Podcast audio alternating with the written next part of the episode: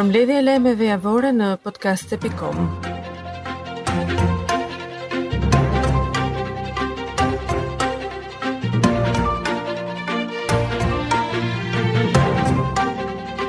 Vendimi i arbitrazhit të Bankës Botërore që gjobiti Shqipërinë me 110 milionë euro në çështjen Becchetti ka marrë formën përfundimtare. Përpjekjet e Shqipërisë për të kundërshtuar gjobën dhe më pas për ta rishikuar atë u refuzuan nga një trup gjyqtarësh të Arbitrazhit të Bankës Botërore me bazë në Uashington. Sipas vendimit, Shqipëria duhet të nisë menjëherë pagesën e gjobës ndaj Francesco Becchettit, biznesmenit kontrovers italian që paditi Shqipërinë për mbylljen e televizionit të tij.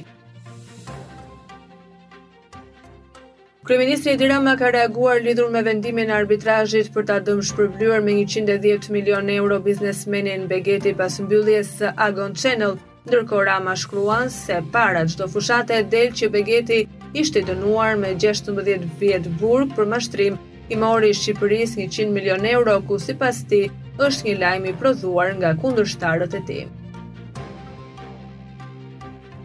Gjatë një takimi me mbështetësit e Malësisë së Madhe, kreu i Partisë së Lirisë Ilir Meta u shpreh i bindur për një fitore 5 me 0 në të gjitha bashkitë e Shkodrës ku votohet në zgjedhjet vendore të katërmbëdhjetë majit.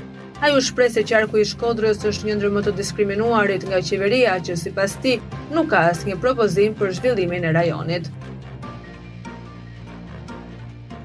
Zëdhënësja e Partisë Demokratike Floriana Garo ka sqaruar opinionin publik se shteti shqiptar i detyrohet Francesco Becchettit 140 mijë euro të tjera, që do t'i shtohen 110 milionë eurove pas mbylljes së televizionit nga kryeministri Edi Rama. Në deklaratën e bërë nga selia blu, Garo theksoi se Gjykata Ndërkombëtare nuk e ka pranuar kërkesën e qeverisë për anulimin e vendimit të arbitrazhit, duke ia ngarkuar shtetit shqiptar dhe shpenzimet e gjyqit.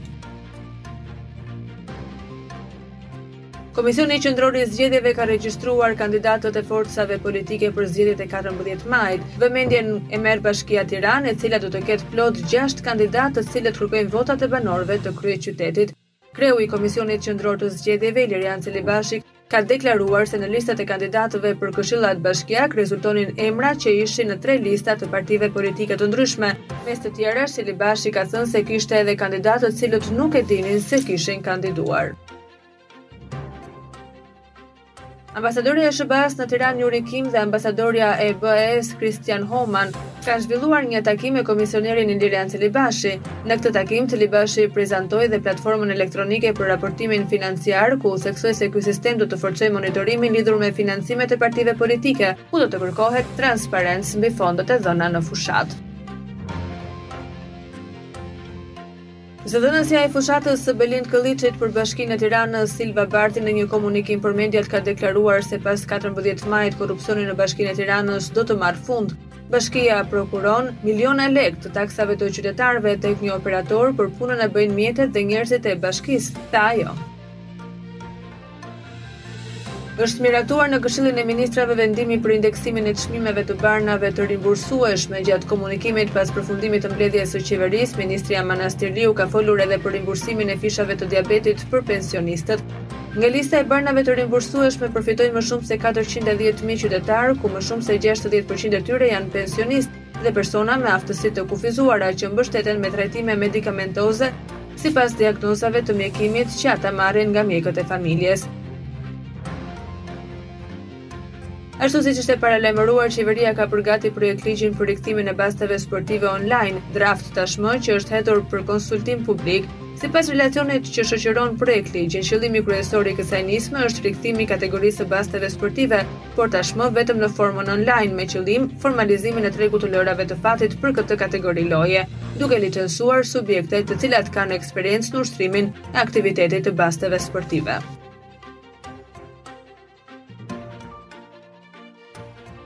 Brenda mureve të Qendrës së Zhvillimit për personat me aftësi të kufizuara në Vlorë, ka një realitet të zi dhe kërcënues për shëndetin, lagështirë, pula të prishura me erë të rëndë dhe ushqime të pakontrolluara, Konstatimi është reflektuar në një raport të Kontrollit të Lartë të Shtetit në janar të vitit dy mijë e njëzet e tre mbi auditimin e veprimtarisë së Qendrës së Zhvillimit për Personat me Aftësi të Kufizuara në Vlorë.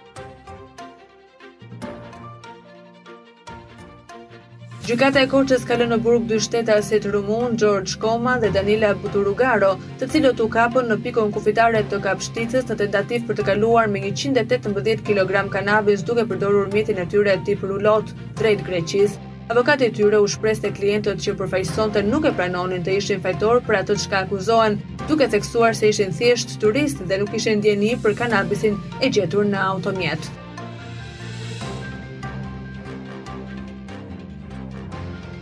Tre persona janë arrestuar nga policia e Gramshit për kanosje me armë zjarri dhe deklarim të rremë. Në pranga ka rënë Viktor Kroi, 40 vjeç dhe Serxho Hysa, 34 vjeç, pasi në bashkëpunim me njëri-tjetrin në aksin rrugor Gramsh-Muglicë kanë kërcënuar me armë zjarri 40 vjeçarin Ronaldo Shqiponjën. Ky i fundit gjithashtu është vënë në pranga pasi gjatë dëshmisë së tij në polici ka dhënë deklaratë të rremë. Ndërkohë, vijojnë hetimet për veprime të mëtejshme për veprat penale kanosje, mbajtje pa leje dhe prodhimi i armëve, armëve shpërthyese dhe i municionit, të kryera në bashkëpunim si dhe deklarata të rreme përpara oficerit të policisë gjyqësore.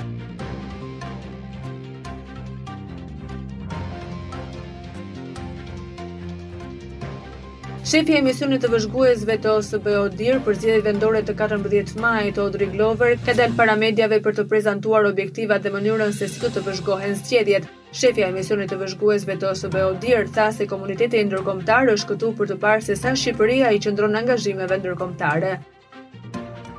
E pyetur nga gazetarët nëse do të takohet me kreun e rithemelimit Sali Berisha edhe pse ky i fundit është shpallur non grata në SHBA, shefja e misionit të vëzhguesve të OSBE-ODIHR, tha se është e gatshme të takohet me këdo që është i përfshirë në procesin zgjedhor të zgjedhjeve lokale të 14 majit.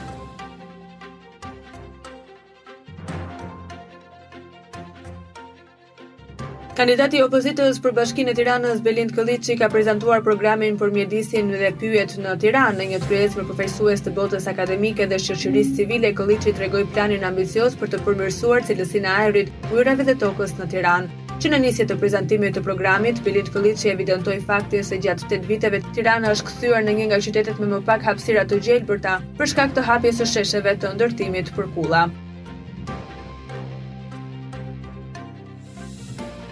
Sekretari i Përgjithshëm i Partisë Demokratike Gazment Bardhi ka depozituar kërkesën në KQZ për ndalimin e kandidimit të kandidatit të Partisë Socialiste në Mallakastër, Qerim Ismailaj. Bardhi tha se Ismailaj përveç dënimit në Greqi ka edhe një dënim në GJKKO në Shqipëri. Ministrja për Evropën dhe Punët e Jashtme Olta Xhaçka është paraqitur në SPAK. Kjo është paraqitja e saj e dytë brenda disa javësh. Më trembëdhjetë mars, Xhaçka u thirr në SPAK për t'u marrë në pyetje në cilësinë e personit e cila ka dijeni në lidhje me privatizimin e bazave detare të ushtrisë.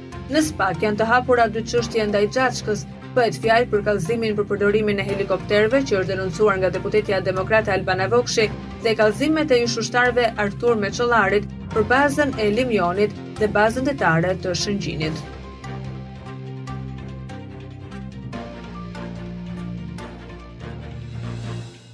Migena Sinani, nënë e dy fëmijëve, ka humbur jetën mëngjesin e së shtunës pasi është qëlluar për vdekje me armë zjarri nga kunati i saj. Pak momente më pas autori i krimit Roland Sinani ka dalë në rrugë para shtëpisë në Shkoz dhe ka vrarë veten.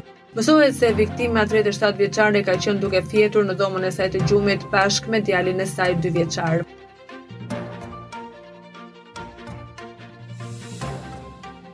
Kreu i Partisë së Lirisë Ilir Meta ka shkuar në selinë e Partisë Demokratike ku u takua me ish-kryeministrin Sali Berisha. Në fjalën e tij pas takimit që zhvilloi në selinë blu me kryedemokratin Berisha, Meta theksoi se koalicioni i dy forcave politike është një bashkim për ndryshim dhe jo një bashkim për pushtet.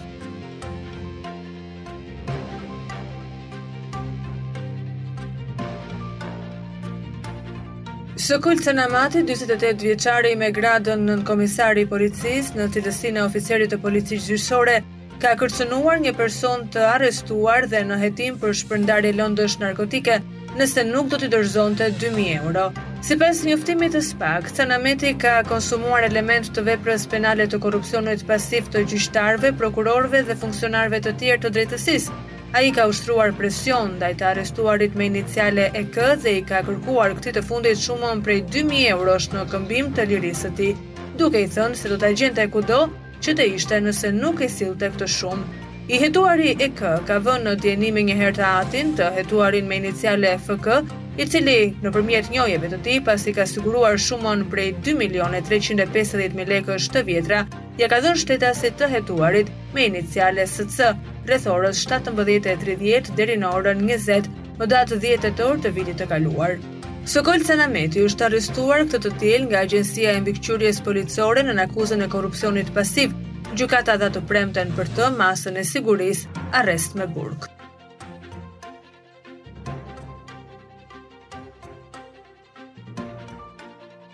Mbledhja e radhës e përbashkët e dy qeverive të Shqipërisë dhe Kosovës do të mbahet në ditën e përvjetorit të 148 të Lidhjes së Prizrenit.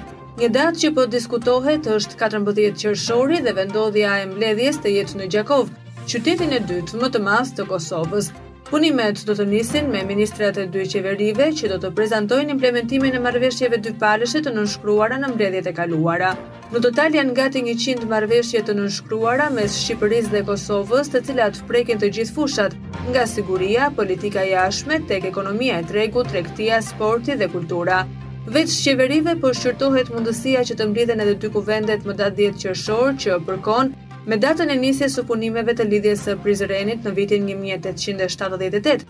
Kjo do të ishte mbledhja e dytë e kuvendeve pas seancës solemne të njëzet e shtatë nëntorit të vitit të kaluar.